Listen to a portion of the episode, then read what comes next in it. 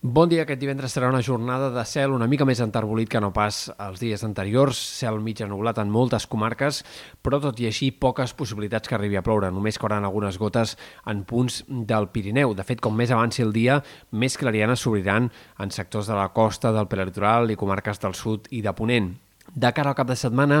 augmentarà la inestabilitat, però no plourà tot arreu aquest cap de setmana. Demà els ruixats es concentraran sobretot en punts del Pirineu, Prepirineu, potser també en sectors de la Garrotxa o l'Empordà i arribi a descarregar algun xàfec de cara a la tarda. I diumenge sí que hi haurà una mica més d'inestabilitat, augmentarà la possibilitat que hi hagi tempestes al Pirineu i també descarregaran alguns ruixats i tornades al voltant dels ports, les Terres de l'Ebre i possiblement en alguns sectors de la Catalunya central o en d'altres comarques interiors de forma més aïllada i pugui aparèixer també algun ruixat o alguna tronada més puntual.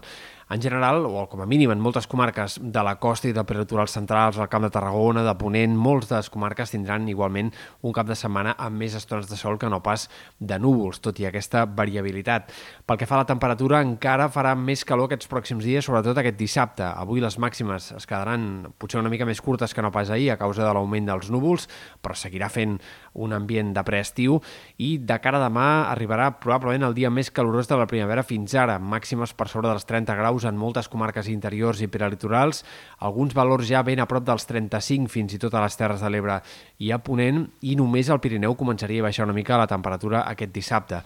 No esperem que la calor eh, intensa marqui aquests últims dies del maig o els primers del juny. Més aviat diumenge i dilluns tendirà a baixar el termòmetre, es normalitzarà la temperatura, però sí que és veritat que ja no hi haurà segurament cap refrescada forta que pugui fer trontollar la sensació de preestiu, que segurament serà la que marcarà els pròxims 6 o 7 dies, i de fet és possible que la segona part de la setmana que ve fins i tot la calor pugui ser una mica més intensa.